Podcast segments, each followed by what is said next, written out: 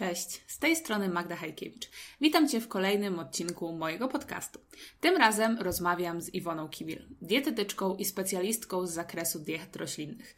Iwona od 7 lat prowadzi własną praktykę dietetyczną, a swoją dietę opiera na nieprzetworzonych produktach roślinnych. Jest autorką książek o diecie roślinnej, prowadzi też szkolenia oraz kursy.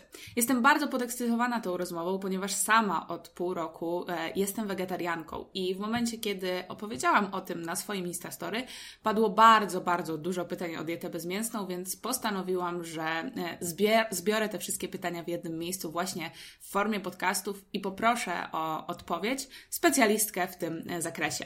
Jeśli chcesz skutecznie przejść na dietę bezmięsną albo po prostu ograniczyć ilość mięsa w swojej diecie, to ten odcinek naprawdę rozwieje wiele Twoich wątpliwości. E, mówimy w nim innymi o tym, skąd brać białko na diecie bezmięsnej oraz czy w ogóle obawiać się niedoborów białka, nawet jeżeli jesteśmy na diecie wegańskiej. Jak czuć się sytym na diecie bezmięsnej oraz czym zastępować w niej mięso? Jak utrzymać motywację do niejedzenia mięsa, a także czy warto namawiać inne osoby do tego, żeby mięsa nie jadły? Jak bilansować dietę bezmięsną, kiedy mamy problem e, z jelitami, również wtedy, e, kiedy cierpimy na zespół jelita drażliwego? E, jak zwiększyć przyswajalność żelaza w diecie? Czy Hashimoto wyklucza dietę roślinną oraz czy mężczyźni powinni unikać jedzenia soi? Co trzeba suplementować na diecie bezmięsnej i jak dobierać dawki suplementów? jak zadbać o odpowiednią podaż wapnia na diecie bezmięsnej oraz dlaczego warto suplementować kwasy omega-3 nawet jedząc ryby. Dodam tylko, że dzisiaj do północy trwa jeszcze promocja na kurs Jak przestać bezmyślnie jeść słodycze. Jest to pełnowymiarowy, 6-godzinny kurs, który pozwala dotrzeć do przyczyny tego, dlaczego e, jemy słodycze, mimo że wcale tego nie chcemy, oraz jak e, przeprowadzić proces zmiany. Link znajdziesz w opisie profilu. To tyle. Zapraszam serdecznie. Cześć Iwona. Cześć. Bardzo miło mi, dzięki, że przyjęłaś zaproszenie do mojego podcastu, dlatego że ostatnio, jak e, właśnie wrzuciłam na Instastory informację, że w sumie ja już sama nie jem mięsa od pół roku, e, no to powiem szczerze, że ilość pytań, która się pojawiła jakby pod tym, po prostu mnie zasypała, więc stwierdziłam, że fajnie to zebrać wszystko w jednym miejscu, dlatego że okazuje się, że tych pytań jest dość sporo i część z nich jest naprawdę taka, e, powiedzmy to bardzo życiowe, jak na przykład to, że ktoś chciałby e, nie jeść mięsa, ale z drugiej strony ma problem, na przykład e, problemy żołądkowo-jelitowe i musi być na diecie low więc między innymi o to też zechcecie zapytać, ale może od samego początku. E, od ilu lat w ogóle ty nie jesz mięsa? Ej, wiesz co, to jest pytanie, którego bardzo nie lubię i tak myślałam, że możesz mnie zapytać, dlatego nawet zastanawiałam się ostatnio, bo ktoś mnie zapytał o to na Instagramie. Nie wiem, na pewno więcej jak 7, ale okay. nie jestem pewna. Nigdy tego nie liczyłam i po 30 w ogóle mi tak szybko czas leci, że nie wiem. Wiesz, możemy tego... zacząć jeszcze raz bez tego pytania. Nie, wiesz, myślę, że na pewno więcej jak 7, a mhm. nie jestem pewna już ile czasu. Po prostu mhm. dawno. Znaczy, chodzi o mięso, tak? To dłużej. To dłużej. Na diecie wegańskiej jestem tak od 7 lat, czyli dłużej. Nie wiem. To, to, poczekaj, niech, to, niech padnie to pytanie, miejmy to za sobą. To co ty jesz na tej, jak nie jesz mięsa? Wiesz co, jem trawę zazwyczaj, więc codziennie robię sobie sałatki. Nie, tak na poważnie, to, to moja dieta jest taka bardzo prosta, bo nie lubię wyszukanych potraw, więc zazwyczaj moje ulubione produkty to są makarony, bardzo lubię dania z makaronami, mm -hmm. więc warzywa, makarony, strączki, yy, mąka z nasion ciecierzycy, tofu, bardzo lubię tofucznicę, tempeh bardzo lubię i takie bardzo proste e, rzeczy. Poprawiam słuchawki. Mhm. Mam nadzieję, że to nie, nie ma tego odgłosu wtedy. Nie, nie, nie. E, sałatki, zupy, wszystko to, co się je oprócz mięsa. W zasadzie jest tak, tak dużo różnych produktów, że dziwię się ludziom, że pytają. Mam bardzo podobne odczucie, dlatego że naprawdę, tak jakby już pomijając fakt, y, z jakiego powodu przechodzimy na dietę bezmięsną, to tak jakby jest to zawsze fajna okazja do tego, żeby trochę wyjść poza ten kanon, poza e, jakby tą tradycyjną kuchnię polską, dlatego że ja przyznam szczerze, że w zasadzie jestem od pół roku na diecie bezmięsnej, a ja w ogóle ilość przepisów, które tak jakby znalazłam i które chciałabym ugotować, ja nie wykorzystałam nawet, nie wiem, jednej piątej tego, nie, co chciałabym spróbować. Więc jakby jest, jest ogrom. A ty sobie szukasz tych przepisów w internecie i sprawdzasz i tak e, Przepisujesz sobie to i, i sprawdzasz w kuchni, czy też sama improwizujesz? Wiesz co, sama improwizuję, jak mam mało czasu, to po prostu to są często u mnie dania na zasadzie, wiesz, mam makaron, to wezmę makaron, wezmę puszkę taką, pasata i wiesz, mhm. improwizacja. Natomiast mówię o takich rzeczach, ja mam Thermomixa, więc na Kukido w ogóle mhm. ilość przepisów wegetariańskich jest ogromna, e, plus mam dostęp do książek Justyny, choćby Świetlickiej, e, znaczy do e-booków, Violi Urban i tak jakby jeszcze kilka, no, choćby klasyki takie, jakie blog Jadłonomii czy R Vegana, no masa tego jest, więc e, mówię, no połowy jeszcze nie spróbowałam, znaczy no jednej piątej myślę, że jeszcze nie spróbowałam. Także jest co jeść. No, jest co jeść. E, te przepisy wszystkie z książek, one e, są też takie bardziej urozmaicone, więc myślę, że od mhm. czasu do czasu można sobie coś takiego przygotować, ale na co dzień chyba raczej wydaje mi się, że taka improwizacja jest bardziej praktyczna. Tak, tak, tak, tak, to zdecydowanie. No bo przecież też na dobrą sprawę, e, jak ktoś do tej pory jadł kanapki, to nadal może jeść kanapki, tak? Tylko trochę tak. bardziej przemyśleć, e, może co, żeby tam nie leżał sam plaster sera e, żółtego, nie? Tylko może coś więcej. No tutaj mówimy o diecie wegetariańskiej przede wszystkim, nie? Tak samo obiad, no jak ktoś dodawał kurczaka, to niech skroi tofu, jakby go weźmie mhm. w tych samych przyprawach, no i też już jest zrobiony.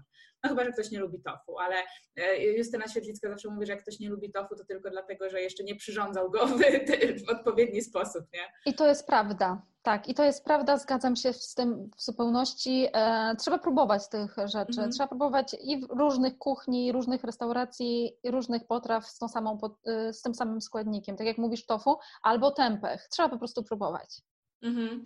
Okej, okay, to zacznę może od takiego pytania, które się najczęściej pojawiało, pomimo tego, że miałam wrażenie, że to już zostało powiedziane ileś razy. Natomiast e, wciąż jest tak, że jeżeli mówimy o diecie wegetariańskiej, to pierwsze pytanie jest, skąd ty czerpiesz białko? Z roślin, znaczy ogólnie białko. Może bardziej chodzi tutaj o aminokwasy, takie, które normalnie występują w mięsie, i to jest aminokwas lizyna albo mhm. też metionina. I te aminokwasy, jak, jak jest nadmiar tych aminokwasów, to z kolei to się przyczynia do chorób układu krążenia na przykład, też i do podwyższenia poziomu e, homocysteiny w przypadku mhm. metioniny. Mhm. Natomiast jak jest niedobór, na przykład lizyny, to może się przyczyniać do niższej gęstości kości. Także u wegetarian, którzy jedli za małe ilości białka, ta niższa gęstość kości faktycznie była. I nawet jak wprowadzono im produkty, które zawierały e, białko, ale nie były to jakieś super wartościowe produkty, takie jak, nie wiem, produkty powiedzmy kotlety sojowe albo mhm. te bardziej przetworzone, to nawet wtedy już te grupy miały tą gęstość kości trochę wyższą. E, lizyna występuje w nasionach roślin strączkowych, występuje w orzechach, pestkach, mąkach z nasion ciecierzycy, e, czy soczewicy, czy grochu, fasoli, bo teraz mamy różne te makarony. Występuje mm, też w maśle orzechowym na przykład, więc jest mhm. dużo tych produktów i osoba taka jak ja nie potrzebuje dużo zjadać nasion roślin strączkowych, więc taka jedna szklanka różnych produktów dostarczających białka mi w ciągu dnia, tego aminokwasu, e, znaczy tego lizyny, może nie białka ogółem, mi naprawdę wystarcza. Mhm. Więc to jest i y, łącznie tutaj i humus, i pasty, i ugotowane strączki, i mąka, i makarony. Mhm. Czyli tak naprawdę, jeżeli w każdym posiłku gdzieś tam przemycimy te, te, te produkty, to, no to nie jest w sumie trudne, tak? No bo czy posmarować kanapkę humusem zamiast masłem na przykład, czy dodać strączki do obiadu, to gdzieś tam się to da. W sensie, e, czy jakby są e, sytuacje, w których naprawdę w diecie wegetariańskiej może być problem z białkiem, oprócz tego, że ktoś jakby na przykład je, nie wiem, frytki z ketchupem cały dzień, bo też są wegetariańskie. Wiesz co? Ja jeszcze powiem, że ja powiedziałam, że e, ta szklanka dla mnie jest mhm. wystarczająca. Są osoby, które muszą zjeść dwie szklanki na mhm. przykład, albo półtorej i im się wydaje, że to jest bardzo dużo, że jak to zjeść e, dwie szklanki strączków w ciągu dnia, przecież to jest naprawdę jakaś bardzo duża ilość. Natomiast jak to faktycznie porozkładamy sobie na posiłki, jak ktoś je cztery posiłki w ciągu dnia, no to porozkładamy i to jest, nie wiem, dwie łyżki gdzieś tam humusu, jeden kotlet, jakiś falafel, e, cztery plasterki tofu, trzy łyżki mąki ściedzierzycy, więc to nie jest duża ilość. Mhm.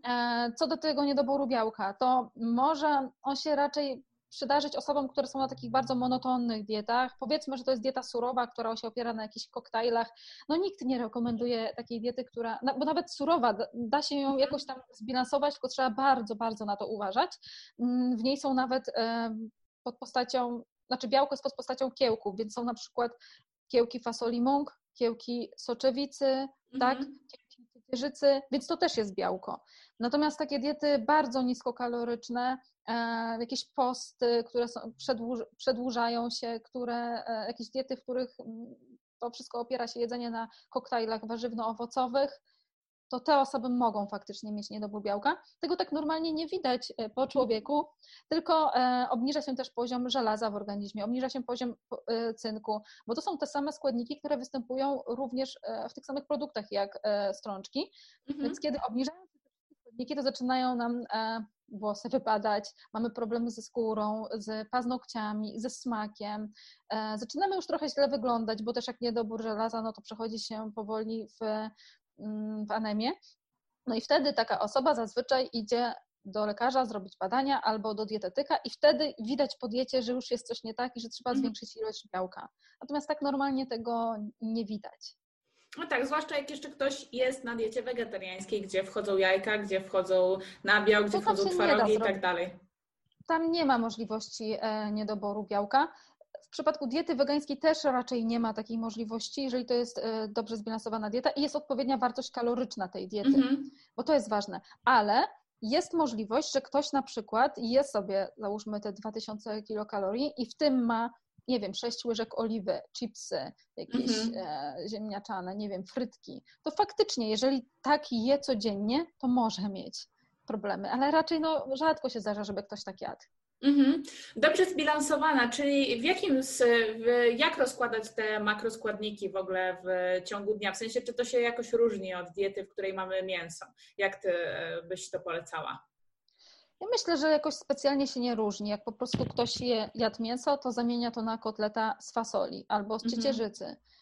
Można zamienić po prostu na ugotowane nasiona. Można zamienić to na po prostu pokrojone tofu czy tempeh, podsmażone i zrobione po prostu na podobieństwo kotleta.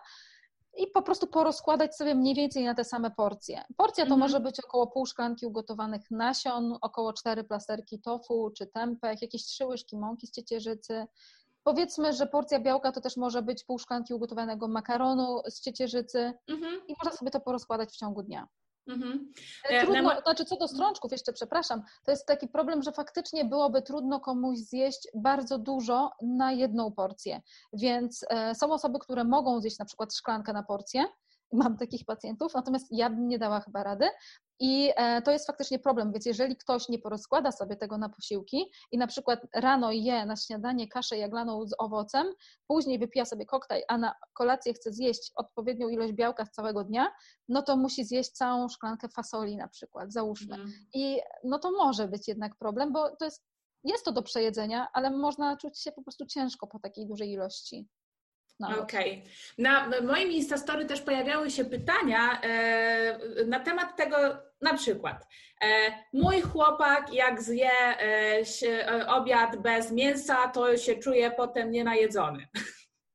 Co byś poradziła w takiej sytuacji? No właśnie. Zależy jaki to jest obiad, bo jeżeli to jest taki obiad, że mamy na przykład ziemniaki surówka, albo ziemniaki kotlet z kaszy jaglanej i buraka i surówka, albo makaron z sosem pomidorowym, to ja też się czuję po tym głodna. I to po godzinie mogę zjeść taki sam, dokładnie e, taką samą porcję.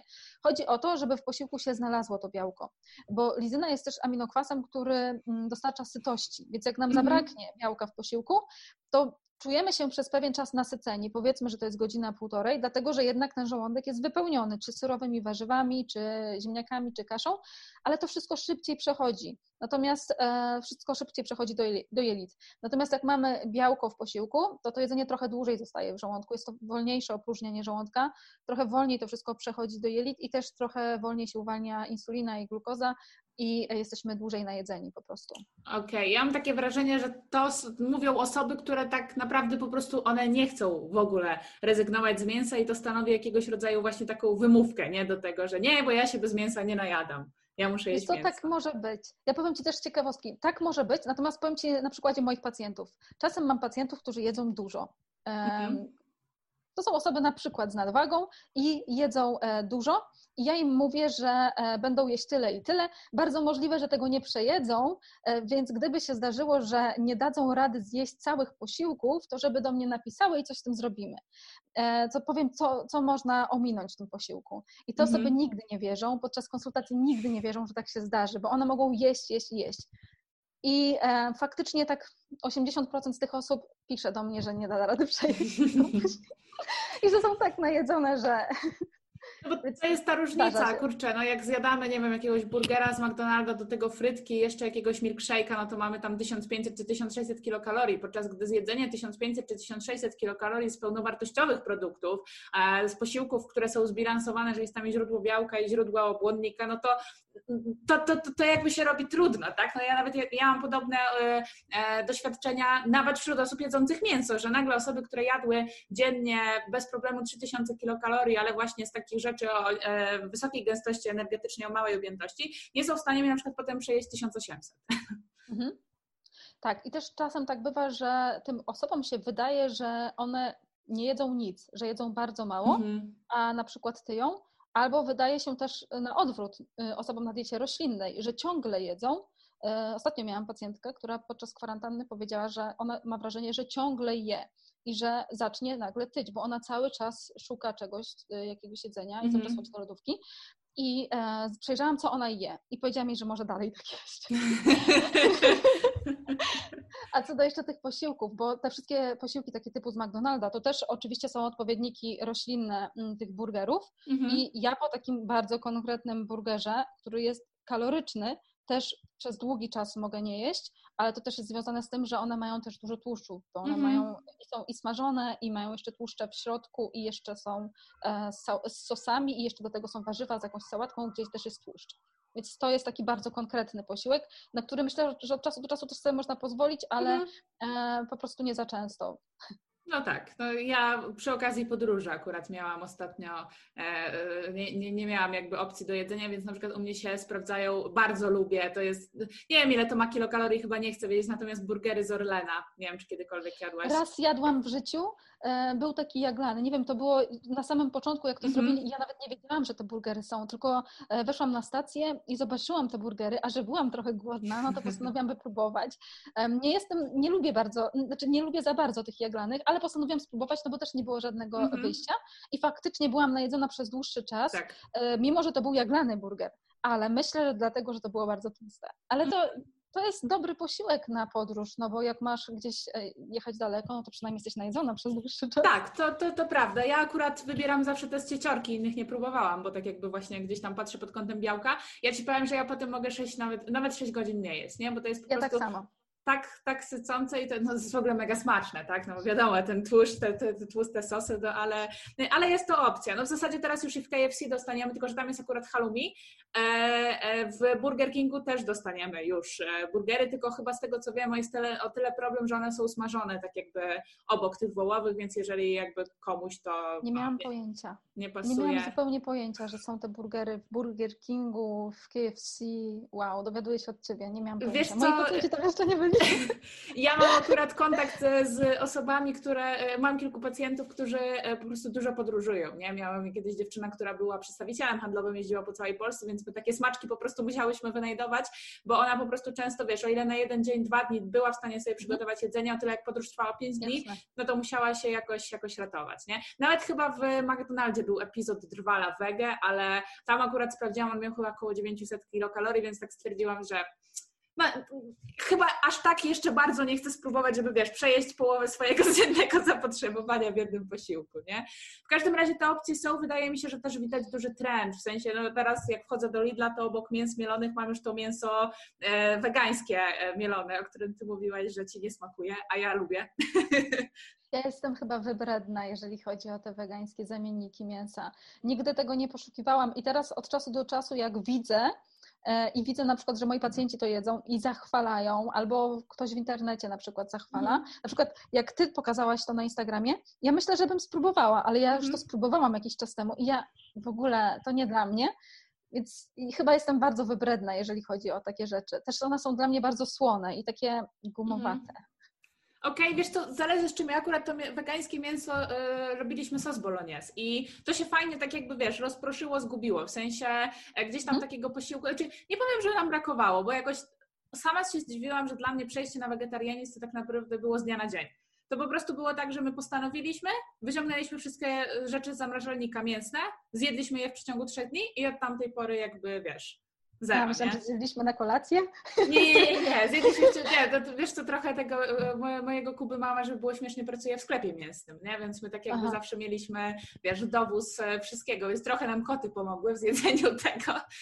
E, no, w każdym razie właśnie zdziwiłam, że to tak z dnia na dzień przyszło, że jakoś tak tego smaku, raz chyba podczas okresu miałam tak, że po prostu bym zjadła pizzę pepperoni, natomiast po prostu kupiłam sobie szynkę z Polsoi, taką pepperoni i mi przeszło, nie? O właśnie, oni mają tam szynkę salami. I to mhm. jest e, doskonały zamiennik tego e, pepperoni, tak, i tych mhm. wszystkich takich innych na pizzę. I akurat e, tą jedną rzecz jestem w stanie stolerować, ale to mhm. naprawdę bardzo rzadko. Ale co u Was wpłynęło na to, że postanowiliście przejść na, na wegetarianizm? Znaczy, wiesz co, kwestie obiektywne, tak jakby zmiana klimatu, wiesz, produkcja, znaczy no, wysokie zapotrzebowanie, znaczy wysokie zużycie wody do produkcji, więc tak jakby kwestie klimatyczne, natomiast no najbardziej u nas kwestie po prostu etyczne, z racji tego, że ja od zawsze, wiesz, jestem bardzo mocno za zwierzętami i zawsze ich pomagam i ma, miałam taki wewnętrzny dysonans, że dlaczego jedne zwierzęta mam ratować, pomagać, a jakby drugie jeść. Też wpłynęły na to, e, wiesz, no ja, ja, ja, nie jestem fanką takiego nawracania na weganizm czy na wegetarianizm, tych takich, wie, wiesz o jakie filmy mi chodzi, takie budzące ja też emocje. Nie jestem fanką. No, jakby uważam, że to jakby wegetarianom czy weganom robi gorzej niż lepiej. E, w każdym razie gdzieś tam się też trochę naoglądałam takich rzeczy powiedzmy bardziej dokumentalnych na zasadzie hodowli. E, no i tak po prostu stwierdziliśmy razem właśnie z Kubą, w zasadzie to on nawet to zainicjował, z racji tego, że on wiesz, więcej gotuje w naszym domu, więc jakby ja byłam przeszczęśliwa, że jak on powiedział, że nie jedzmy mięsa, ja mówię, pewnie wchodzę w to. No więc nie ukryłam, że u mnie przede wszystkim kwestie etyczne. A u Ciebie? Wiesz co, u mnie bardzo różnie. U mnie e, kiedyś na początku to były kwestie etyczne, bo ja zostałam wegetarianką jak byłam dzieckiem. Nie pamiętam dokładnie już, ale na pewno to było albo podstawówka, albo liceum, bo ja e, nie mhm. chodziłam do gimnazjum. Nie pamiętam już dokładnie.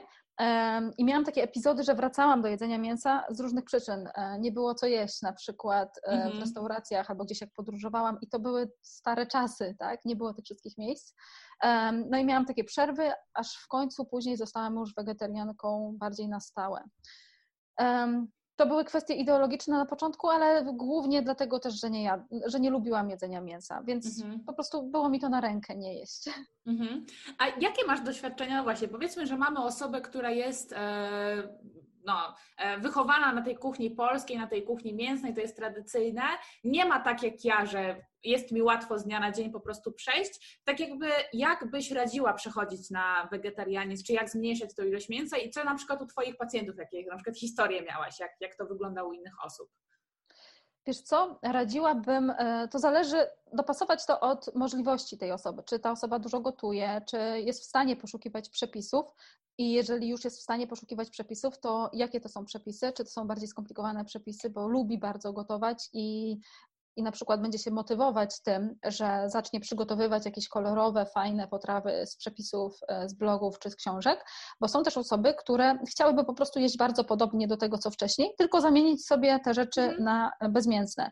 Czyli na przykład normalnie e, był rosół, załóżmy w niedzielę do jedzenia, albo ziemniaki ze schabowym, to teraz można zamienić to na schabowego sojowego, albo na e, falafela, albo na zrobiony e, schabowy, e, znaczy może nie schabowy, ale zrobiony kotlet z ciecierzycy czy z soczewicy mhm. i stopniowo sobie podmieniać te produkty, które były mięsem na te, które teraz są roślinami strączkowymi, czy, czy, czy na przykład um, serami, jeżeli to jest dieta wegetariańska, ale też uważać tutaj należy, żeby nie popaść w tą pułapkę, żeby tych serów nie było z kolei za dużo, mhm. bo wtedy to nawet może być gorsze niż taka zdrowa dieta zawierająca e, chude mięso. Więc stopniowo sobie zmieniać. I ja zazwyczaj u osób, które mają mało czasu na te zmiany, proponuję, żeby sobie robili takie, mm, takie jak, jak to powiedzieć, takie cele, o, takie cele, że na przykład mhm. w tygodniu mają 4-5 nowych przepisów do przerobienia, mhm. czyli zmieniają sobie najpierw śniadania, później zmieniają sobie obiady, później zmieniają sobie kolacje i wybierają sobie kilka przepisów na tydzień i po czterech tygodniach już naprawdę mają e, zbiór przepisów, które mogą sobie też modyfikować samodzielnie. Więc jak wcześniej był na przykład makaron z mięsem, mogą sobie co prawda wziąć to mięso z Lidla, ale mogą też e, zrobić z soczewicą albo z mhm. siecierzycą i z warzywami, albo mogą sobie wziąć makaron z siecierzycy czy z soczewicy i z warzywami i nie muszą już wtedy e, tych strączków dodatkowo dodawać. E, też to na początku oczywiście wymaga trochę więcej pracy. I mhm. dlatego no nie ma co ukrywać. Tak, i dlatego ja myślę, że dobrze jest stopniowo wdrażać po kilka przepisów i tak sobie przechodzić, przechodzić na inne posiłki, dlatego że czasem jest tak, że ktoś chce przejść na dietę roślinną i chce wszystko zacząć od, od zera i za tydzień chce już być całkowicie wegetarianinem, weganinem, nie jest dietetykiem, nie wie, mhm. jak to dokładnie zrobić i kupuje książki, szuka tych blogów, przegląda te kanały na YouTube i tak dalej i ma duży zapał, ale po tygodniu to wszystko mija, dlatego że stwierdza, że to jest trudne, bo się nasłuchał, że musi to suplementować, musi tak jeść, musi, no nie wiem, komponować tak posiłki, nie ma kiedy nawet obejrzeć tych, tych filmów mhm. albo przeczytać książek, a co dopiero w ogóle wdrożyć to, więc to może być faktycznie wtedy problematyczne. Jasne, czyli po prostu tak jak, no, tak jak z odchudzaniem w zasadzie, też nie zmieniać wszystkich nawyków na raz, tylko jednak zostawić tą, e, nie wiem, te słodycze, tylko na przykład zamienić je z całej czekolady na małego batona, nie? I tak, tak jakby stopniowo po prostu sobie przechodzić, a nie jak chcemy e, chudnąć, to raptem zaczynamy gotować wielkie fit wypieki, no i w końcu po tygodniu się wypalamy. E, no, trzeba mieć też, myślę, sporą motywację do tego. W sensie, dlatego ja nie jestem fanką e, takiego nawracania na wegetarianizm czy weganizm, ze względu na to, że ludzie najchętniej dokonują zmiany w momencie, kiedy sobie sami wytłumaczą, dlaczego czegoś chcą. Tak jakby tak. my, jako ludzie z psychologii, mamy bardzo dużą potrzebę autonomii, więc jeżeli ktoś nam na tą autonomię wchodzi i mówi, ty masz to robić albo tego nie robić, no to my się, jakby dla nas jest ważniejsza obrona naszej autonomii niż e, wprowadzenie tej zmiany, nawet jeżeli pozostanie przy obecnym nawyku, powiedzmy, ma negatywne skutki zdrowotne. To jest na przykład palenie, tak, że weź ty już tyle nie pal, a takiego wała właśnie, właśnie mm -hmm. będę palił, nie? Więc ja na przykład jestem wdzięczna e, wszystkim swoim znajomym, którzy byli wegetarianami, jakby miałam zawsze znajomych wegetarian, że wiesz, nigdy mi słowa nie powiedzieli, nie? Na przykład mało Magda, bo ty tutaj w internecie e, tak niby zdrowo jesz, a koty masz, a, a, jesz, a jesz mięso, nie? Więc jakby też taki apel do, do Nikt osób, ci tego nie słuchają. powiedział? Nie, nie, nie. Mam fajnych znajomych. Super, fajnie. Fajnie, nie, wiesz co, bardziej to było na zasadzie, że e, jak no wiadomo, do nich przychodziłam, czy się spotykaliśmy, no to jedliśmy wegetariańsko, więc to bardziej była taka obserwacja i takie patrzenie, kurczę, jak on sobie, czy ona sobie fajnie radzi, nie? Fajne rzeczy gotuje, to jest bardzo smaczne, więc też myślę, że, e, że gdzieś tam, że miałam styczność po prostu z tą, z tą kuchnią, no to e, wiesz, nie, nie myślałam o tym, żeby przejść na wegetarianizm jeszcze wtedy, natomiast przez to, że ja to jadłam, próbowałam, ja widziałam, że to nie jest powiedzmy jakieś wielce skomplikowane, mhm. a może być naprawdę smaczne, to też się tam na, na pewno poniekąd do tego przyczyniło. Mhm. No, więc y, apel do wegetarian, nie, nie nawracajcie, bo to nie jest dobre. Tak, ja też z reguły e, nie nawracam. W zasadzie to nawet dla mnie jest wygodne, dlatego że e, ja nie lubię nikogo nawracać. Po co nawracać niewiernych? Tak, e, kazania są dla wiernych, nie?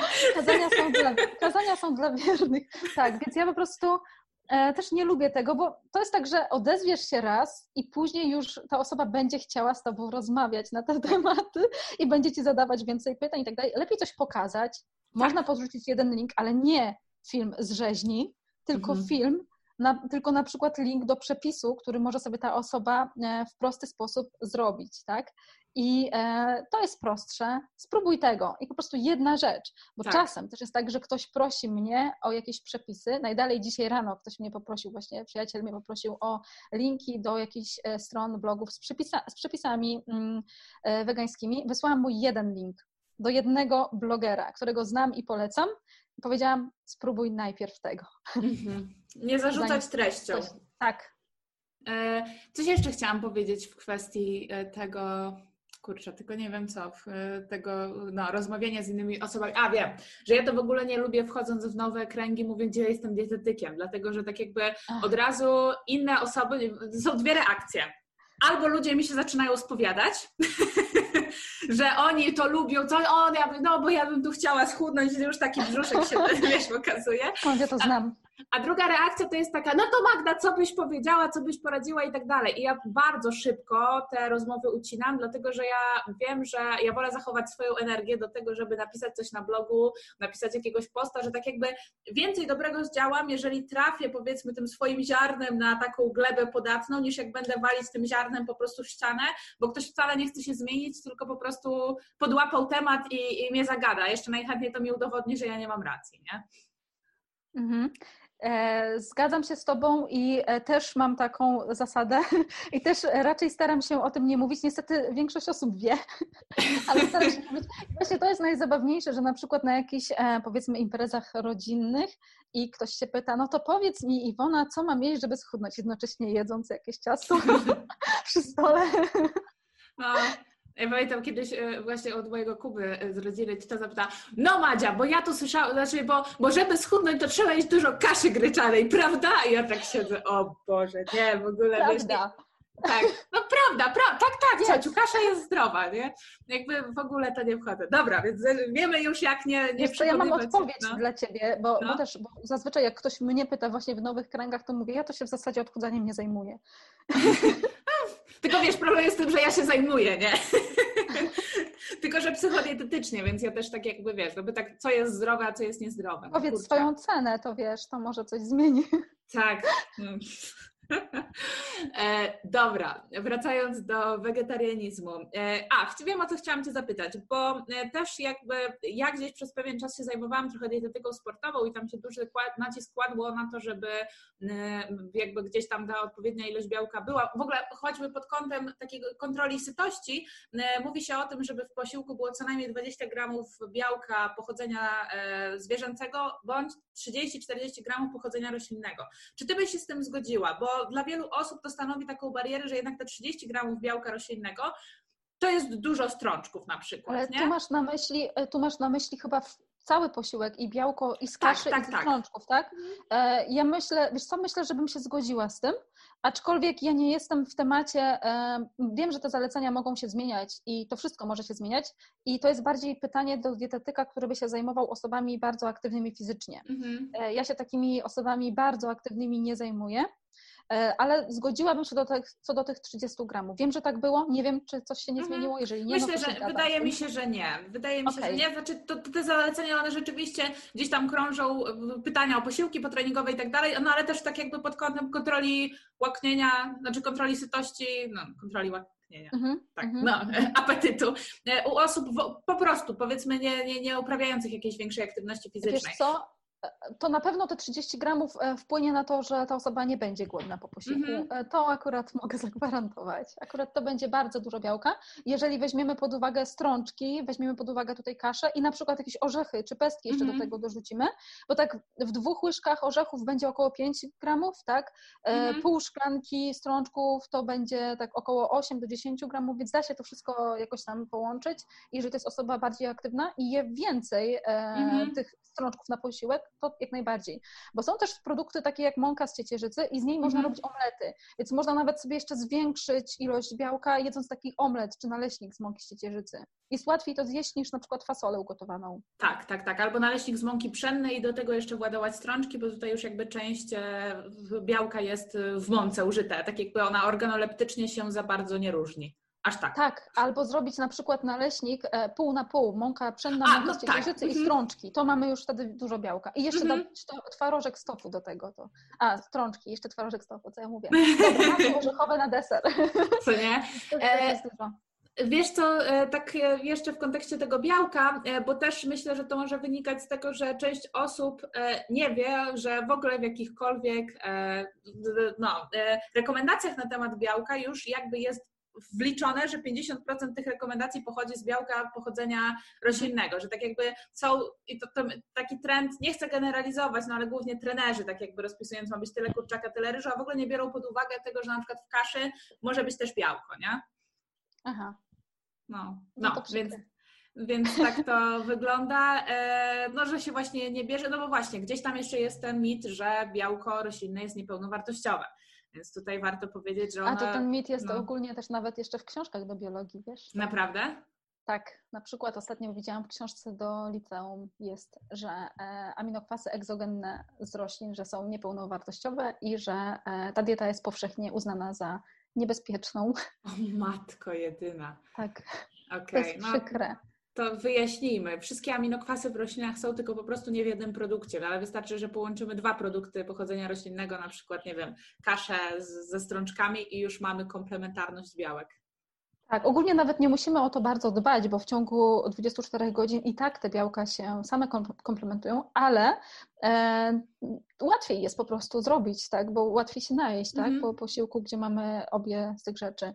Znaczy ja myślę, że najlepsze wyjaśnienie to po prostu sprawdzenie, jak wyglądają wyniki badań e, dużych grup, na przykład wśród adwentystów dnia siódmego, jak e, wyglądają wyniki e, tych osób w porównaniu do osób jedzących tradycyjnie, tak? Mhm. Więc y, i chodzi i o nadwagę, otyłość, o choroby układu krążenia, o cukrzycę typu drugiego. Więc czy ta dieta jest e, niebezpieczna? Która z tych dwóch diet jest niebezpieczna? Tak, dieta zachodnia. Czy... Mhm. No to prawda, właśnie e, do, dobrze, że o tym wspomniałeś, że one w ciągu 24 godzin się komplementują, dlatego że też chyba pokutuje gdzieś tam jeszcze ten mit, e, że kiedyś, to już dawno temu e, było tak, że wszyscy zachęcali do tego, żeby łączyć to wszystko w jednym posiłku, bo jak nie będzie w jednym posiłku, to organizm z tego nie odpowiednio nie skorzysta. A jakby wyszło nie wiem ile lat temu, no już trochę lat temu właśnie badania, że tak naprawdę chodzi o to, żeby w ciągu doby dostarczyć te wszystkie e, źródła, e, znaczy no, te wszystkie aminokwasy i wtedy jest bez problemu. Dobra. Tak, więc w ogóle nie trzeba się tym stresować. Mhm. Aczkolwiek ja uważam, że dobrze jest w jednym posiłku jednak e, to wszystko połączyć. To jest i łatwiej jest to białko porozkładać na posiłki, łatwiej się najeść. Więcej dostarczamy składników odżywczych wtedy też z tych posiłków, więc myślę, że jest po prostu rozsądniej. Okej, okay. myślę, że kwestię białka mamy zamkniętą, tak jakby z każdej strony mhm. o niej opowiedziałyśmy. E, to chciałabym Ci dalej e, zadać pytania, które właśnie płynęły z różnych stron na moim Facebooku. E, takim częstym pytaniem było właśnie pytanie na temat komfortu jelitowego, na temat gazów, które się pojawiają po strączkach i w ogóle osoby, które tak jakby zdecydowanie lepiej się czują na diecie low FODMAP, czyli tej, dla osób, które nie wiedzą, tej, która eliminuje składniki fermentujące w jelitach jak się ma właśnie wegetarianizm do low FODMAP? Bo ja na przykład odpowiedziałam, że chyba nie do końca bym rekomendowała całkowitą rezygnację z mięsa, że może poszłabym w stronę tego fleksitarianizmu. Natomiast jestem ciekawa, co ty byś powiedziała. Mała autopromocja. Jeśli jesteś już na tym etapie podcastu, to prawdopodobnie treść w nim zawarta jest dla Ciebie interesująca. Jeżeli chcesz głębiej popracować nad swoją relacją z jedzeniem, znaleźć przyczynę swoich trudności w tym obszarze, a także skutecznie i przede wszystkim trwale poprawić swoje samopoczucie oraz sylwetkę, sprawdź moje kursy online na platformie Akademia Wiem Co Jem. Kursy, które tworzę są praktyczne. Poznasz w nich nie tylko teorię, ale przede wszystkim nauczysz się, jak wdrażać tą wiedzę w realia swojego życia. Link do mojej platformy kursowej znajdziesz w opisie tego odcinka. Przede wszystkim myślę, że to jest bardzo duży problem. Nawet nie wiem, czy nie jeden z takich bardziej poważniejszych problemów e, z przejściem na dietę roślinną, bo jednak e, uprzykrza to życie. Trzeba mhm. cały czas myśleć o tym, co jest w posiłkach i trzeba też mieć na uwadze to, że posiłki w restauracjach mogą zawierać e, składniki, które będą jednak nasilać wzdęcia i to nawet nie muszą być strączki, ale inne rzeczy. Jeżeli ktoś chce przejść na dietę wegetariańską, to powiedzmy, że ma jeszcze trochę łatwiej, dlatego że tam są jaja i niektóre mm -hmm. sery też nie będą e, bardzo szkodzić. Natomiast e, fleksitarianizm jest tutaj takim taką dietą, która e, jest najrozsądniejsza, dlatego że te osoby nie powinny odczuwać dużych problemów, bo wtedy się eliminuje tylko te produkty, które mają najwięcej oligosacharydów, więcej fruktozy. Natomiast dieta wegańska jest najtrudniejsza z tych wszystkich mm -hmm. w przypadku osób z jelitem nadwrażliwym. Natomiast jest to do zrobienia. Ja sama mam od zawsze e, problemy z jelitami, więc to jest tak, że jest to do zrobienia, jest to możliwe, aczkolwiek trzeba w to włożyć dużo pracy.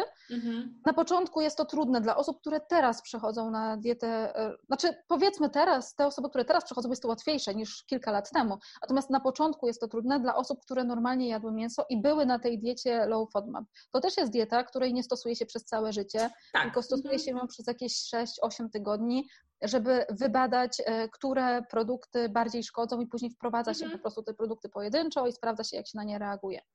I Właśnie zakładając ten najczarniejszy scenariusz, że wszystkie strączki, tak jakby, czy większość e, strączków... To też nie jest pod... tak, wiesz, to nie okay. jest też tak. Um, nie ma takiego bardzo czarnego scenariusza, ale znaczy nie, powiem tak, najczarniej, najczarniejszy scenariusz jest taki, że jest tylko kilka rodzajów e, strączków i można jeść w dozwolonych porcjach. Jak się przekroczy mm -hmm. porcję, to faktycznie czujemy się źle. I w, przy, w przypadku kobiet często to też jest związane z cyklem miesiączkowym, czyli przed miesiączką zawsze jest jednak e, większy problem, bo jest jeszcze zatrzymanie się wody i to mhm. też jeszcze nasila wzdęcia i te wszystkie problemy, bo jeszcze mogą być jakieś zaparcia i, i inne problemy w tym mhm. czasie. Co do produktów takich jak nasiona strączkowe i białko ogólnie, te, które mają mniej cukrów fermentujących, bo tutaj chodzi o te cukry takie jak e, mhm. fruktooligosacharydy, prawda, jak fruktoza e, i te oligosacharydy z rodziny rafinozy, które to właśnie są w strączkach, to e, można najpierw e, zastosować obróbkę termiczną, która będzie trochę redukować e, oligosacharydy w strączkach. I na przykład robimy to w ten sposób, że strączki najpierw moczymy w wodzie przez 12 godzin i najlepiej jakby w tej wodzie też znalazła się soda oczyszczona. Okay. Można sobie przygotować taki roztwór z sodą oczyszczoną, czyli mamy litr wody, na tą łyżeczkę sody, to mieszamy i do tego dodajemy strączki. Tylko, że to jest tak, że strączki do wody ja bym dała proporcję 1 do 3, czyli jedna porcja strączków, trzy porcje wody porcje z tą wody. sodą. Mhm. Tak. Skąd ta proporcja? Ja znalazłam gdzieś badania naukowe, gdzie okazało się, że chyba nawet w 70, to znaczy to było doświadczenie, że tam chyba w 70 czy 80% e, oligosacharydy były nawet zredukowane w tych e, strączkach. To była ogólnie fasola. E, więc ja to zazwyczaj rekomenduję moim pacjentom. I to też te też te strączki z puszek, czyli na przykład czerwona fasola z puszki czy biała fasola z puszki, zazwyczaj jest lepiej tolerowana niż e, biała czy czerwona ugotowana fasola. Mhm. Co też ma związek z tym, że one są moczone e, w puszkach z solą, że tam jest po prostu ta solanka, którą trzeba odlać. Więc te produkty e, powinny być trochę lepiej tolerowane, ale nie, nie jest powiedziane, że one będą to, tolerowane i tak przez osoby, mm-hmm. że będą dobrze tolerowane. Może być tak, że część osób z zespołem jelita drażliwego nawet po takim zabiegu będzie źle tolerować strączki i y, fasole, do ciecierzycy zaraz dojdę, mm-hmm. I wtedy te strączki dobrze by było zmielić, czyli mamy na przykład zmieloną e, fasolę pod postacią pasty, ale nie okay. smalec z fasoli, mm-hmm. bo smalec z fasoli zawiera z kolei cebulę, a w cebuli są mm-hmm. fruktooligosacharydy i to będzie źle. I tam jest też jabłko w tym smalcu, które zawiera e, jeszcze dodatkowo e, poliole więc, mhm. i fruktozę w dużej ilości, więc to, smalec z fasoli niestety to jest produkt, który, na który można sobie pozwolić, jak wiemy, że będziemy siedzieć w domu i będziemy mieć zdjęcia. po prostu. Nic z tym nie poradzimy. E, mhm. Jeszcze co do tych fasoli, więc e, jak już sobie zmielimy tą fasolę w paście i jemy ją sobie z innymi produktami, które nie zawierają fruktooligosacharydów, to sprawdzamy, jaką porcję tolerujemy, bo możemy zjeść łyżkę i czujemy się dobrze, a na przykład zjemy trzy łyżki i już nie czujemy się za dobrze. Mhm. Więc wtedy e, w przypadku tych osób ja bym polecała porozkładać sobie białko na na przykład cztery posiłki w ciągu mhm. dnia. Jest możliwość, że e, fasola taka moczona i ugotowana nie będzie zjadliwa dla tych osób. I to mhm. jest na przykład miałam dużo takich pacjentów, którzy no nie mogą w ogóle jeść fasoli ugotowanej, ale z puszki zjedzą. Okay. Co do ciecierzycy i soczewicy, to są produkty, które mają, um, mają trochę mniej e, tych związków, tych cukrów w porównaniu do fasoli, więc zazwyczaj są lepiej tolerowane. I zazwyczaj są dobrze tolerowane w takiej ilości 1 czwarta szklanki ugotowanych, Zazwyczaj ta czerwona soczewica jest dobrze tolerowana, więc ją bym polecała jeść i może też być tak, że osoba, która ma zespół jelita nadwrażliwego, żyje sobie tą e, soczewicę nawet codziennie, łącząc z innymi warzywami i nie je w mhm. ogóle już fasoli ani innych rzeczy, które ją bardziej wzdymają i trudno, tak też musi zostać. Nie wiem, mam jakiś problem z internetem? Wiesz co, ale wi widać Cię i Cię słychać, już się chyba... Aha, dobra. No. Um, Okej, okay. um, co jeszcze? Um, Przyprawy. Są też przyprawy e, takie jak czomber, majeranek, można dodawać do potraw, też może trochę to pomóc. Natomiast e, wiem, że jest taki sposób dodawania wodorostów. Mhm. Widać mnie i słychać? Tak, tak, tak. Okej, okay, bo mi się zatrzymało, e, zamarło. E, więc wiem, że są osoby, które dodają wodorosty do moczenia albo do gotowania strączków, co może pomóc osobom, które nie mają zespołu jelita nadwrażliwego, ale przechodzą na dietę wegańską i na samym początku mają problemy z jelitami. Mm -hmm. Bo to jest też normalne, że trzeba się trochę przyzwyczaić do jedzenia strączków, jak ktoś nie jadł przez całe życie. Ale osoby, które mają zespół jelita nadwrażliwego, raczej bym nie polecała grzybów, wodorostów um, i tego typu rzeczy w większej ilości, bo tam jest dużo z kolei tych polioli i one też jeszcze będą nasilać niestety e, wstęcia gazy. Mhm. Wszelkie problemy. E, produkty, które bym polecała i które w ciemno wiem, że na pewno nie będzie szkodzić, to jest mąka z ciecierzycy. E, mhm. Mam bardzo dużo pacjentów, którzy mają problemy z jelitami i żaden z nich e, nie narzeka na mąkę z ciecierzycy. Więc okay. to jest taki produkt, który jakby ratuje te osoby, kiedy nie mają co jeść. Można z tego robić omlety, naleśniki, placki, doda dodawać warzywa, które mają mniej fruktooligosacharydów i to jest faktycznie posiłek, który ratuje.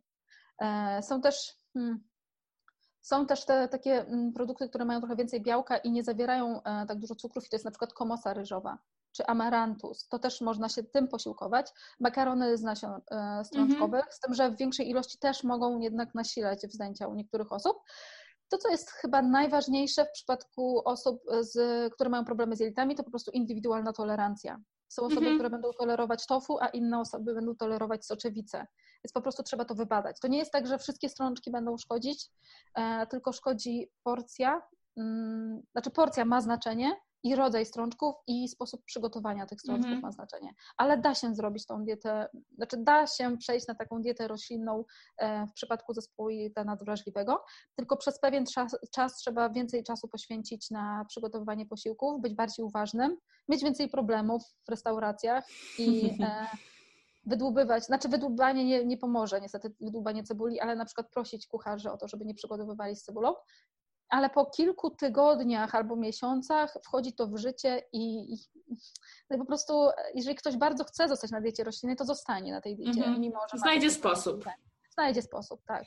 To, co chciałam jeszcze powiedzieć, być może część osób, które y, skarżą się na takie problemy żołądkowo-jelitowe, mogą mieć po prostu niezdiagnozowany zespół jelita nadwrażliwego, nie wiedzieć o tym i być może u nich na przykład takie przeprowadzenie diety low FODMAP przez 6-8 tygodni by jakby pomogło zredukować, nie? No bo jednak na diecie, przez dietę low FODMAP no nie przechodzi chyba aż tak dużo osób, nie?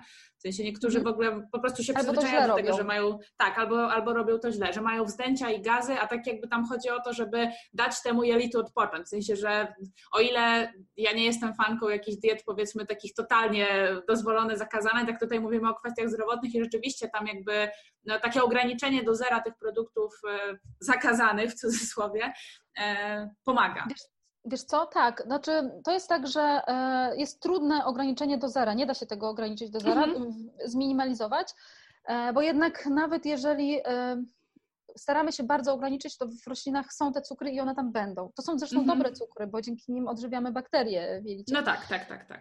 I teraz tak, mm, porcja ma znaczenie, tak jak mówiłam, ale po tych sześciu tygodniach wprowadzamy sobie różne produkty i na przykład osoba, która zawsze źle tolerowała brokuła, jak sobie wprowadzi jedną, dwie różyczki, może się okazać, że ona może jeść te dwie, trzy różyczki mm. brokuła, ale jak zje pół brokuła, to się zaczyna źle czuć i ona już wie po prostu, później już w kolejnych próbach ona już wie, że może sobie pozwolić na tyle i tyle brokuła. Można też nie łączyć tego brokuła z innymi produktami, które zawierają za dużo cukrów i ona już wie po prostu, że po tym brokule się dobrze czuje. Albo może zjeść nawet więcej brokuła, jeśli po nim dobrze czuje, a być może przed y, w ogóle wprowadzeniem diety low FODMAP cebula jej szkodziła i na przykład być może ona jadła e, tego brokuła w mieszance warzyw z cebulą. I to cebula jej szkodziła, a nie brokuł, więc tutaj to trzeba by było bardzo indywidualnie e, i jeszcze jedna bardzo ważna rzecz. Osoby, które mają e, zespół jelita nadwrażliwego, dużo z tych osób też może mieć przerost flory, znaczy przerost bakterii w jelicie cienkim. SIBO I w sensie? To, tak, SIBO. I mhm. tutaj też hmm, trzeba by było indywidualnie też już e, diagnostykę przeprowadzić. Najlepiej udać się do gastrologa wtedy. Okay. Zdarza się to często. Właśnie tak sobie patrzę na te pytania, no na przykład tutaj było pytanie, które brzmiało dosłownie, które, skąd brać białko w diecie wege, gdy się nie toleruje ani laktoza, ani strączku, więc myślę, że tutaj trzeba byłoby te strączki, tak jak mówiłaś, rozbić na e, co to są za strączki, ile ich jest i jak są przygotowywane i dopiero wtedy poddawać to analizie. Wiesz co, tak. I jeszcze są odżywki białkowe, które, no ja zazwyczaj nie, nie polecam e, odżywek białkowych e, na pierwszy rzut, tylko zaczynam zmniejszać ilości strączków i pracować nad tymi porcjami i e, przygotowaniem. Natomiast jeżeli się nie da i ktoś e, jest chętny do na przykład e, picia sobie koktajlu z białka grochu i po tym koktajlu czuje się dobrze, mhm. to może sobie wprowadzić jeden taki koktajl na dzień, jeżeli bardzo chce, no ale to też no, nie jest jakieś w 100% konieczne. Generalnie dieta wegetariańska czy wegańska, jak każda inna dieta, no musi być indywidualnie do, po prostu dopasowana, więc tak jakby tak samo jak w diecie bezmięsnej mamy pewnego rodzaju ograniczenia, czy to po prostu, że się po czymś gorzej czujemy, czy coś nam po prostu nie smakuje, albo nie mamy czasu tego przygotować, no to tak samo w diecie wege, tylko tak mam wrażenie, że się przyjęło, że jak tak. dieta wege, to wszyscy muszą jeść to samo, wszyscy muszą tak. jeść takie same strączki, nie? I to jest chyba problem.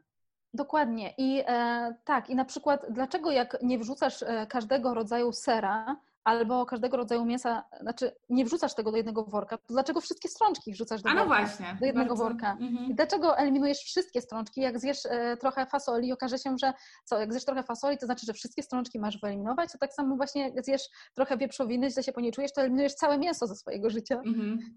Bardzo, bardzo fajne. Myślę, że gdzieś to podkreślę, to zdanie, które powiedziałaś, no bo to jakby e, patrzę, e, e, jakby wiesz, na większość pytań, no to jest w zasadzie skąd brać białko, czym najlepiej uzupełniać białko. Widzę, że nie masz za dużo pacjentów, znaczy tym, followersów wegetarian. Wiesz co, bo pytają się o białko. Też ja o tym, wiesz, jakby ja przeszłam pół roku temu, ale ja o tym jakoś tak nie mówię, w sensie ja się zajmuję swoją działką, teraz trochę zaczęłam więcej hmm. o tym mówić, więc tak jakby, no wiesz jak to jest, jak mówisz o pewnych rzeczach, to przyciągasz takie osoby, które to interesuje, nie? Ale myślę, białko to, to najmniejszy problem. Tak. Powiedz im, że białko to jest najmniejszy problem. Mam nadzieję, że tego posłuchają.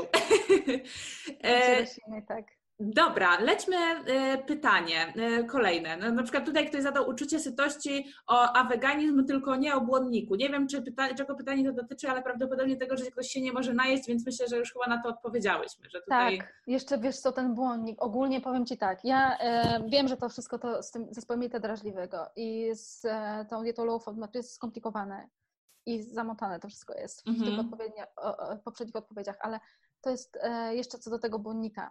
Jak ktoś przechodzi sobie na tą dietę roślinną, to jest atakowany wieloma czynnikami.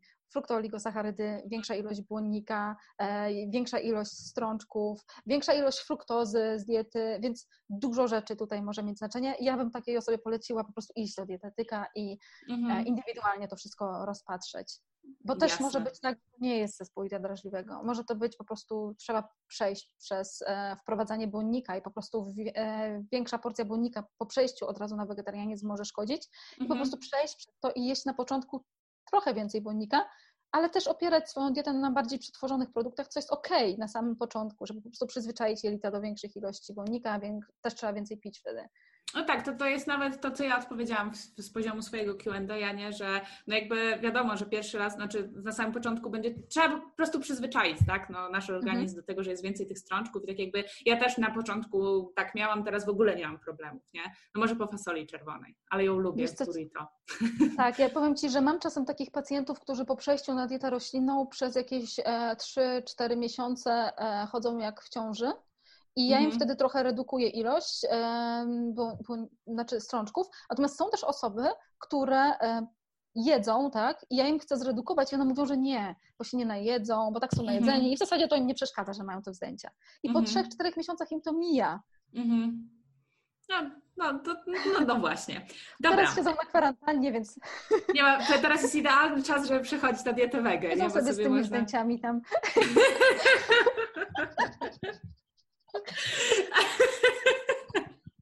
To, to jest dobry argument, nie? Jak przechodzi ta dieta wege, to teraz, słuchajcie, przesiedzicie w domu te wzdęcia i te. Myślę, że nasz podcast wyjdzie o 6 tygodni za późno po prostu, nie? Bo tak się mniej więcej kwarantanna zaczęła. Jak, jak, dobrze pamiętam, mi się już wszystko to po prostu pomieszało te dni i, i w ogóle. Dobra, y, patrzę dalej. Y, czy wegetarianie powinni jeść więcej żelaza na oso- niż osoby na diecie mieszanej? I tak nie, to też zależy od rodzaju diety, bo niby są te zalecenia Institute of Medicine, żeby wegetarianie jedli o 1, razy, o, razy 1,8 więcej żelaza w porównaniu do osób e, na diecie tradycyjnej, co jest bardzo dużą ilością. I jeżeli weźmiemy pod uwagę produkty, które są źródłem żelaza w diecie roślinnej, to są produkty, które są jednocześnie źródłem i białka, i błonnika. Więc mhm. zwiększając od razu tak ilość, nie przejemy tego wszystkiego na raz. Więc ja bym raczej skupiła uwagę na tym, jak poprawić biodostępność żelaza z diety mhm. roślinnej, mhm. zamiast e, zwiększać jego ilości. Bo są takie błędy, które e, najczęściej są popełniane przez osoby początkujące na diecie roślinnej, na przykład picie herbaty do posiłku. Mhm. Herbata zawiera katechiny, polifenole, które blokują przyswajanie żelaza, więc trzeba by było zrobić jakiś odstęp, czy na przykład kawy. A to też zależy, bo jeżeli ktoś nie ma problemów z żelazem, to myślę, żeby całkowicie tego nie przyjmować, że, że po prostu zawsze, znaczy, że trzeba całkowicie E, bezapelacyjnie tą herbatę czy kawę odstawić od posiłku, tylko po prostu to mhm. dopasować indywidualnie do siebie.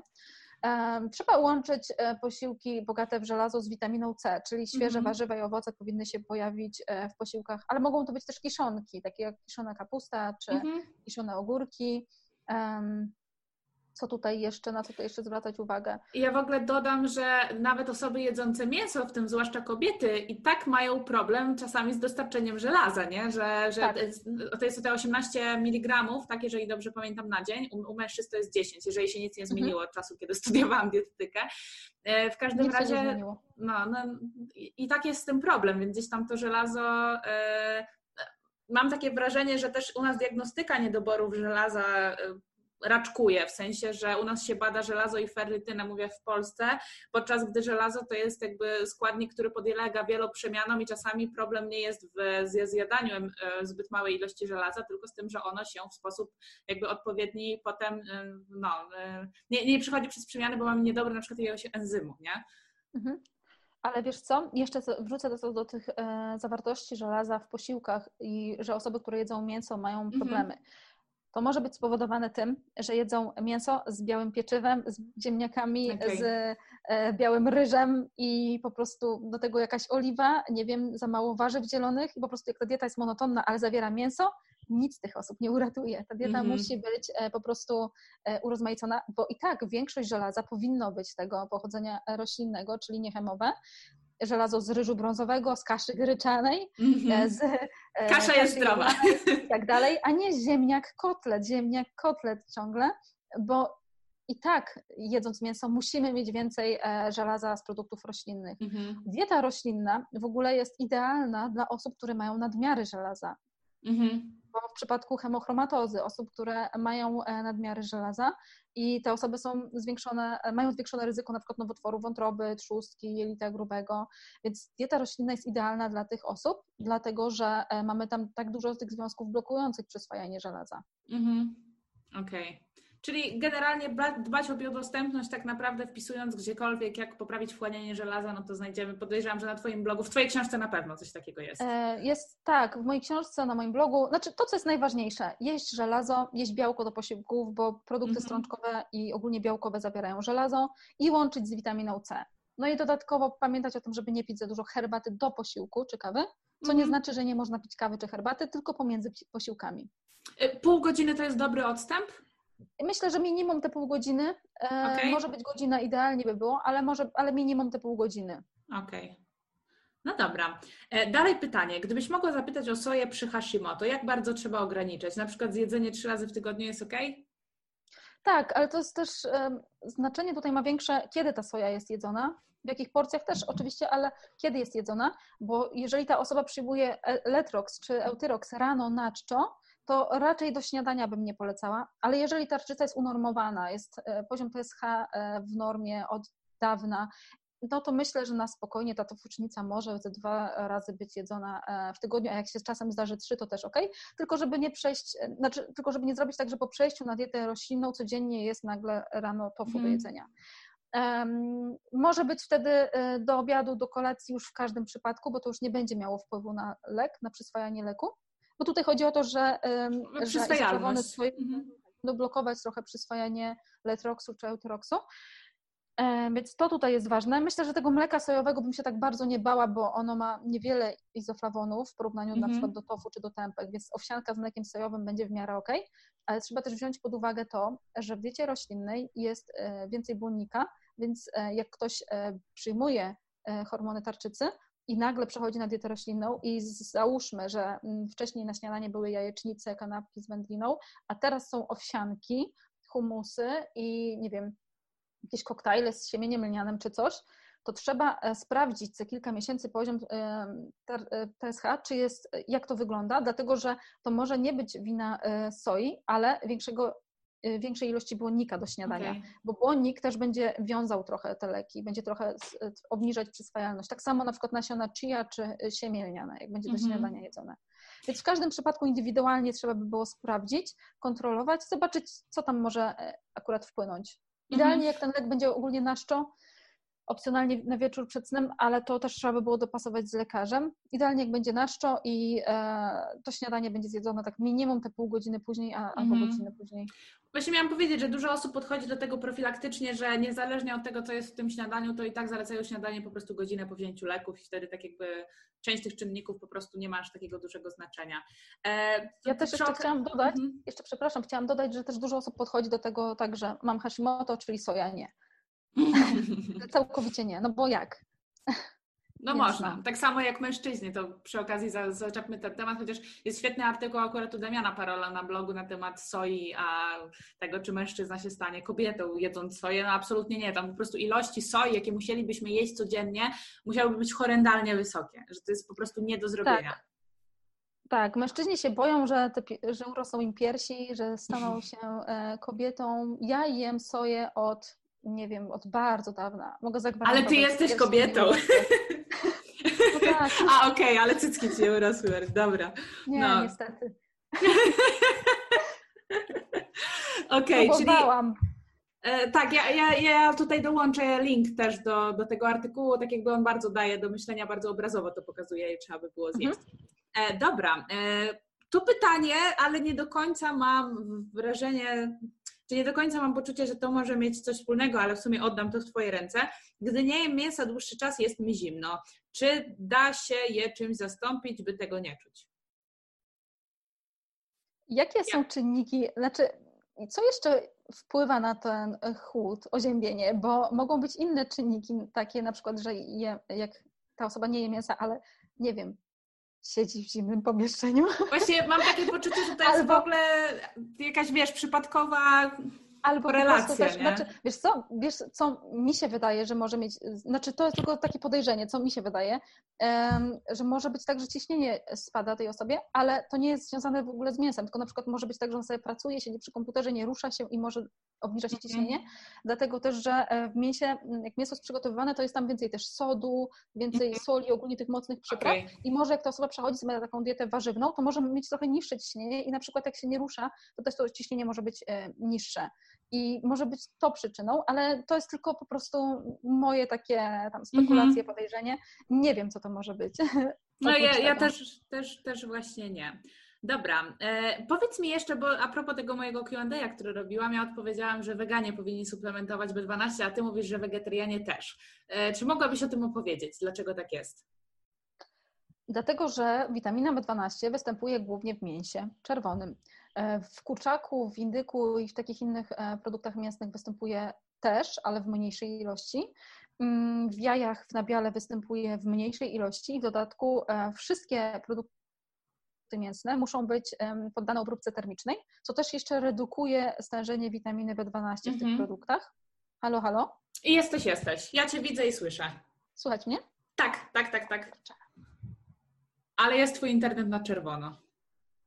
Halo, halo? Tak? Nie słyszałam przez pewien czas. Nie wiem, czy mam. Ale jesteś cały czas. A y, było mnie słychać, czy mam powtórzyć tą y, odpowiedź? Było czy... Ciebie słychać. Y, mówiłaś o tym, że mięso okay. i tak poddajemy Dobra. obróbce termicznej, więc to redukuje ilość B12. Tak, to był problem z internetem. E, więc e, w badaniach e, wśród osób, które są na diecie semi-wegetariańskiej, czyli tam od czasu do czasu sobie jedzą mięso, widać, że też mają niski poziom Okay. Więc wegetarianie mają też niski poziom i w badaniach wśród y, wegetarian i wegan wykazano, że wegetarianie też mają ten niski poziom. Oczywiście mają poziom troszeczkę wyższy od y, wegan, ale mm. jak sprawdzałam, jaki mają poziom, to dla mnie to jest niedobór. Więc okay. wszyscy powinni suplementować, nawet osoby, które jedzą raz w tygodniu mięso, powinny, mm -hmm. te osoby powinny suplementować. E, Problem też jest taki, mm -hmm. że jest coraz mniej kobaltu w glebie, i e, ogólnie witamina B12 jest też suplementowana zwierzętom, więc e, osoby, które myślą, że nie suplementują, to ich jedzenie suplementuje, no, jest okay. suplementowane. Więc no. Jasne, bo witamina B12 to jest kobalamina i tak jakby w swoim składzie tak. zawiera kobalt. No to... Tak. E, e, Okej, okay, żebyśmy miały wszystko w jednym miejscu, jakie dawki byś proponowała i ty, czy też masz jakieś sprawdzone suplementy? Wiesz co, proponowałabym dawki e, dobrane indywidualnie do wyników badań. Teraz jest problem okay. zrobić te wyniki, te badania. Natomiast e, jeżeli ktoś sobie przechodzi na, też zależy od diety oczywiście, ktoś sobie przechodzi na dietę roślinną teraz, a ta osoba jadła mięso czerwone normalnie, na przykład powiedzmy raz, dwa razy w tygodniu, e, normalnie, e, to może sobie teraz suplementować na przykład 250 mikrogramów witaminy mm -hmm. B12 e, albo 400 mikrogramów i tak się z tego przyswoi około 1%. Okay. Mam powiedzieć e, suplementy, które... Znaczy, Wiesz co, jeżeli masz jakieś, bo wiem, ty mi znaczy, wysyłałaś ten, ten bardzo link. Bardzo różnie. Wiesz, do bardzo różnie. No, no. Zazwyczaj jest tak, że większe znaczenie ma tutaj dawka niż e, rodzaj okay. Firmy. Natomiast ja osobiście teraz polecam moim pacjentom na przykład Cefavit firmy, tam jest 400 mm -hmm. mikrogramów, albo Molekin, tam jest 250 mikrogramów, albo Naturel, tam jest 500 mikrogramów. Mm -hmm. Też może być Vegan City, tam jest 1000 mikrogramów i wtedy te 1000 nie musi być codziennie, tylko może być na przykład co 2-3 dni, okay. ale ja już bym e, nie przeciągała tego okresu, żeby nie było na przykład co 4 dni. To też zależy, jak długo ktoś jest na diecie roślinnej. Jest też możliwość suplementacji w mniejszych dawkach, takich jak na przykład 10, 5 mikrogramów. Tylko jeżeli to jest osoba, która mm, kompletnie jest na diecie wegańskiej, to bym polecała raczej te wyższe dawki. Mhm. E, chyba, że to jest osoba, która jest uczulona na kobalt albo ma jakieś problemy po wyższych dawkach witaminy B12, bo tak się zdarza, no to wtedy można by te niższe dawki suplementować, porozkładać je po prostu w ciągu dnia. Jasne. E, czy coś jeszcze, tak jakby, bo kwestia suplementacji żelaza, no to jest kwestia dogadania z lekarzem, w sensie tutaj jakby lekarz już nadzoruje, chyba, że masz inne doświadczenia z, z suplementacją znaczy, żelaza. Co? My się zajmujemy dietą. E, mhm. raczej żelazo powinno być już na receptę przepisane e, pacjentowi zamiast suplementu takiego też, też, mam takie, też mam takie zdanie. A na przykład kwestia wapnia w diecie wegańskiej. Czy w ogóle widzisz potrzebę, bo tutaj też padło pytanie na przykład o ciążę i czy suplementować wapnie w ciąży wegańskiej? E, nie widzę takiej potrzeby, e, bo normalnie da się u osób dorosłych bez problemu dostarczyć 1000 e, mg wapnia w ciągu dnia.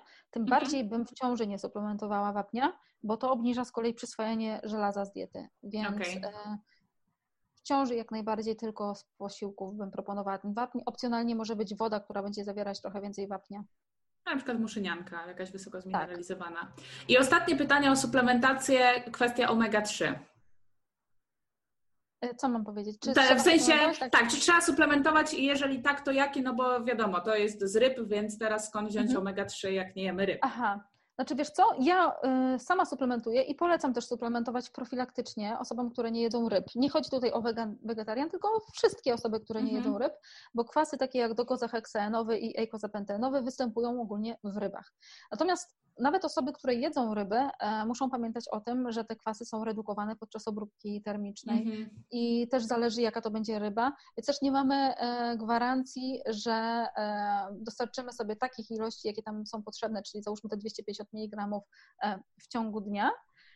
Mm, ale powiedzmy, że osoby, które jedzą ryby, raczej sobie dostarczą tych ilości. Mhm. Natomiast e, wegetarianie, weganie czy semi-wegetarianie, którzy jedzą bardzo rzadko takie produkty, ja bym polecała profilaktycznie suplementować.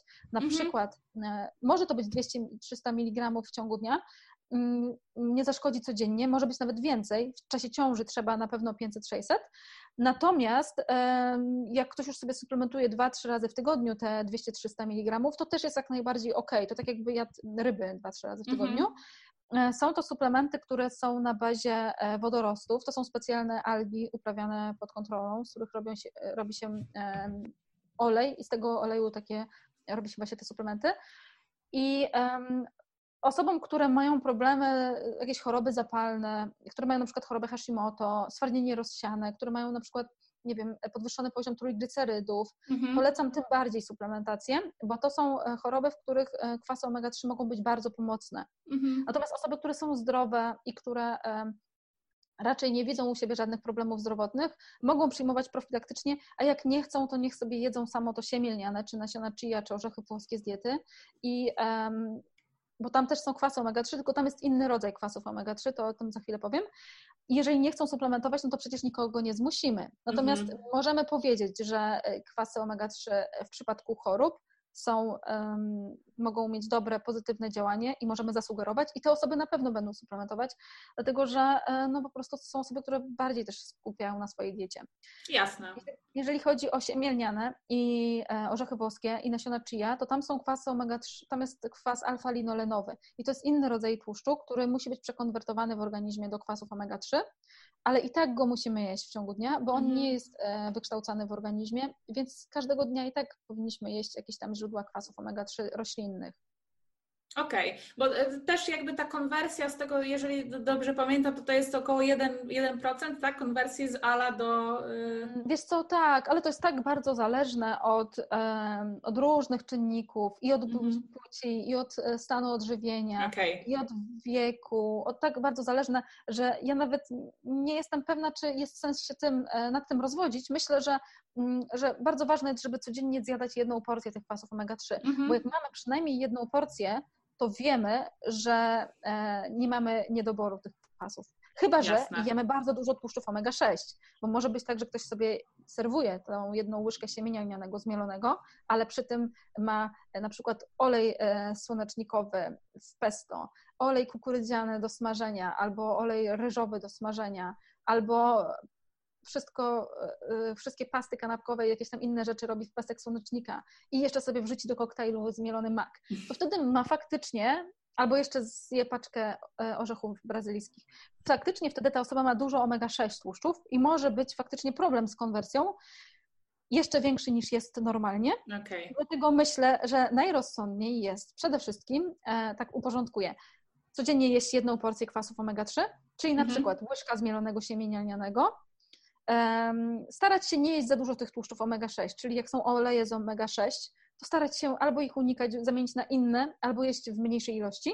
Mhm. I takich produktów jak peski słonecznika, dyni, orzechy brazylijskie, starać się nie jeść więcej jak na przykład dwie łyżki w ciągu dnia. Okay. A opierać swoją dietę, znaczy opierać te wszystkie tłuszcze, te tłuszcze, które my jemy w ciągu dnia, żeby opierać na jedno nienasyconych tłuszczach głównie, czyli na przykład Orzechy, większość orzechów ma e, więcej jednonienasyconych tłuszczów, -hmm. na przykład też te, kwas, te e, orzechy włoskie mogą być, mogą być migdały, orzeszki ziemne na przykład, masło orzechowe, e, oliwa z oliwek, awokado, chociaż awokado tutaj ze względu na klimat to może, może nie. No Olej tak. rzepakowy też może być, to są jednonienasycone, tak? Okej, okay. to chyba wszystko jasne. Jeżeli chodzi o takie podstawy, to myślę, że tutaj jakby wszystko przedstawiliśmy. Ja też podsumuję takie może najważniejsze punkty, jeżeli zechcesz coś dopowiedzieć. Po pierwsze, że nie ma problemu z, dostarczeniem białka ani w diecie wegetariańskiej, ani w diecie wegańskiej. E, po drugie, jeżeli e, mamy problemy z nasionami roślin strączkowych, to zależy, jakby trzeba wziąć pod uwagę, jakie to są strączki, jak się je przygotowuje i jakby z czym też łączy, w jakich ilościach się je.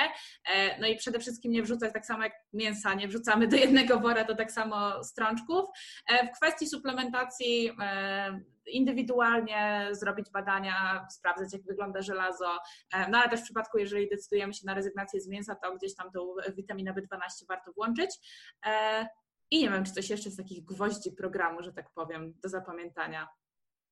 To były takie najważniejsze rzeczy. E, ja myślę, żeby podsumowując jeszcze, żeby się skupić, jak ktoś przechodzi na dietę roślinną, na tych najbardziej istotnych rzeczach, czyli mhm na co zamieniamy mięso, e, żeby jeść e, warzywa, owoce do posiłków, żeby była ta witamina C do posiłków z żelazem, żeby suplementować najważniejsze rzeczy, czyli B12, witamina D, bo czasem jak ktoś przechodzi na dietę roślinną, no to skupia się na takich bardzo mało istotnych rzeczach, jak na przykład które warzywa połączyć ze sobą, czy można jeść mm. na przykład sfermentowanego buraka, czy sfermentowany burak będzie dobrym źródłem żelaza, mm. albo e, czy m, powinienem e, pić e, sok z młodego jęczmienia. Mhm. To na samym początku po przejściu na dietę roślinną jest najmniej istotny problem. Najbardziej istotne problemy, jak komponujemy posiłki. I to jest najważniejsze, jak komponujemy mhm. posiłki. No i jakby przede wszystkim dieta wegetariańska czy wegańska, tak samo jak każda inna dieta zawierająca mięso, musi być po prostu indywidualna i tak jakby jak coś nam nie pasuje, to szukamy zamienników i że jeżeli ktoś chce, to znajdzie sposób, a jeżeli nie chce, to znajdzie wymówkę i tyle. Jasne. Tak, dobre okay. podsumowanie. E, bardzo dziękuję Ci za tą rozmowę. Jeszcze chciałabym wszystkim słuchaczom polecić, e, właśnie, czy mogłabyś powiedzieć dwa słowa o swoich książkach? E, tak jakby, którą na przykład polecasz osobom, które dopiero co zaczynają, bo wiem, że tam jest kopalnia wiedzy w ogóle na temat diet bezmięsnych. Wiesz co? E, tak, powiem, aczkolwiek nie wiem, czy to jest dobry pomysł e, dla osób, które dopiero zaczynają, bo te książki są raczej chyba dla dietetyków i e, okay. tak wydaje mi się, że są raczej, chociaż dla osób, które są e, powiedzmy mm, pasjonatami diety roślinnej, to te książki będą kopalnią wiedzy. Tak naprawdę dowiedzą mhm. się wszystkiego z tych książek, może prawie wszystkiego. Natomiast e, dla osób e, takich jak dietetycy, lekarze, to jest myślę, że dobre źródło informacji. A dla osób, które dopiero zaczynają swoją przygodę z dietą roślinną, to chyba bardziej praktyczne będą e, pomysły na posiłki i, i, mój blog, bo na blogu jest mhm. dużo e, pomysłów, jak komponować posiłki, jak zamieniać, skąd, skąd właśnie brać żelazo, jak suplementować witaminę B12 i tak dalej. E, bo ta książka może trochę przerazić osoby, które zobaczą te wszystkie badań okay. i e, te statystyki. Natomiast jeżeli mogę coś zareklamować, bo to dzisiaj, śmiało, było tak, o, dzisiaj było dużo o zespole nadwrażliwego, mm, to ja będę prowadzić kurs online, też przez Zoom właśnie, o zespole jelita nadwrażliwego 28 maja o godzinie Super. 18. Więc są zapisy, można się zapisać na ten kurs online i i tam też zadawać pytania. Natomiast ja tam w tym, podczas tego kursu powiem wszystko na temat e, diety roślinnej e, i e, diety low FODMAP i też trochę będzie o SIBO i o pacjentach i wszystko to, co takie moje doświadczenie na ten temat. Mhm. Super, to ja też ten link dołączę w opisie podcastu. Mamy do tego miesiąc, więc myślę, że, że wiele osób zdąży przesłuchać ten podcast do tego momentu. Jeszcze też widziałam, że Ty prowadzisz chyba też dla kobiet w ciąży i żywienie dzieci. To mi się gdzieś wyświetliło. E, tak, ten kurs będzie 21 um, maja, tak, mhm. mamy maj, będziemy mieć. 21 e, maja będzie ten kurs, też o godzinie 18 mm, i ten kurs polecam też i dietetykom. Znaczy, ja z mhm. tego co widzę, to mm, głównie dietetycy się na niego zapisują, ale e, polecam dietetykom też dlatego, że tam będzie, będą takie rzeczy, których na pewno mogę zagwarantować, nie usłyszycie e, w szkole, na studiach. na studiach. Nie ma takiej możliwości. Chyba, że ktoś naprawdę przyjdzie do mnie na ten kurs i powie o tym tam. Jasne. Bo tam też będzie, e, będą rzeczy um, z mojego doświadczenia, więc będą też i przypadki moich pacjentów i rzeczy takie bardzo praktyczne podczas kursu. Okay, to będzie o żywieniu dzieci, nie, ko- mm-hmm. nie o kobietach w ciąży, tylko A, okay, będzie o żywieniu jasne. dzieci. Natomiast o kobietach w ciąży też jest na platformie, tylko to już jest taki kurs, e, tam na tej platformie, na której jest blog i to już taki kurs jest gotowy, który można się zapisać i robić sobie indywidualnie. Mm-hmm. Jasne. To też podam do tego link. E, ja Dobra. mogę bardzo serdecznie polecić. Dla mnie też jesteś e, osobiście kopalnią wiedzy, bo tak jak mówię, e, jakby ja się pod tym podpiszę, że tego się, wielu rzeczy się nie dowiem na studiach, bo mimo tego, że jestem dietetykiem i przychodzę teraz na dietę wegetariańską czy wegańską, to ja na ten temat na studiach naprawdę miałam tak Szcząt, znaczy i szczątkowe informacje, i nieszczątkowe. W sensie e, szczątkowe pod kątem praktyki, a dość zaawansowane pod kątem rzeczy nieistotnych, które się w praktyce nie przydają. Więc... A, e, a jakie były te rzeczy nieistotne? Wiesz co, nie... właśnie jakby to, o czym mówiłaś, w sensie my wiesz, my wkuwaliśmy, czy czytaliśmy o jakichś statystykach, o takich rzeczach, a. jakby nie na zasadzie właśnie nie było odpowiedzi na pytanie, dobra, przychodzi do ciebie pacjent, to jak mu doradzić, żeby krok po kroku przyszedł na wegetarianizm? Wiesz, o takie rzeczy mi chodzi, nie? Bardziej mhm. takie pod kątem naukowym, e, pod kątem wkuwania, ile czego kto ma zjeść, a tak jakby no, bez przełożenia tego na praktykę, pomijając już fakt układania jadłospisów, e, które wiesz, jakby musiały być pod linijkę, no i jakby mhm. koniec końców nikt by tego po prostu nie przygotował, bo kto by jadł, już nie mówię o dietach wegetariańskich, ale wiesz, łososia na parze z brokułami i z brązowym ryżem, czy tam czerwonym codziennie. Mhm może nie codziennie. Wiesz o co chodzi. Wiem. No, więc tak. No dobrze, to dziękuję Ci e, jeszcze raz. Mam nadzieję, że był to e, bardzo owocny, znaczy dla mnie to był bardzo owocny. Myślę, że masę informacji tutaj przekazałaś, więc mam nadzieję, że e, słuchaczom również się spodoba. Także dzięki jeszcze Dziękuję raz. bardzo. No, I do usłyszenia. Do usłyszenia. Na cześć.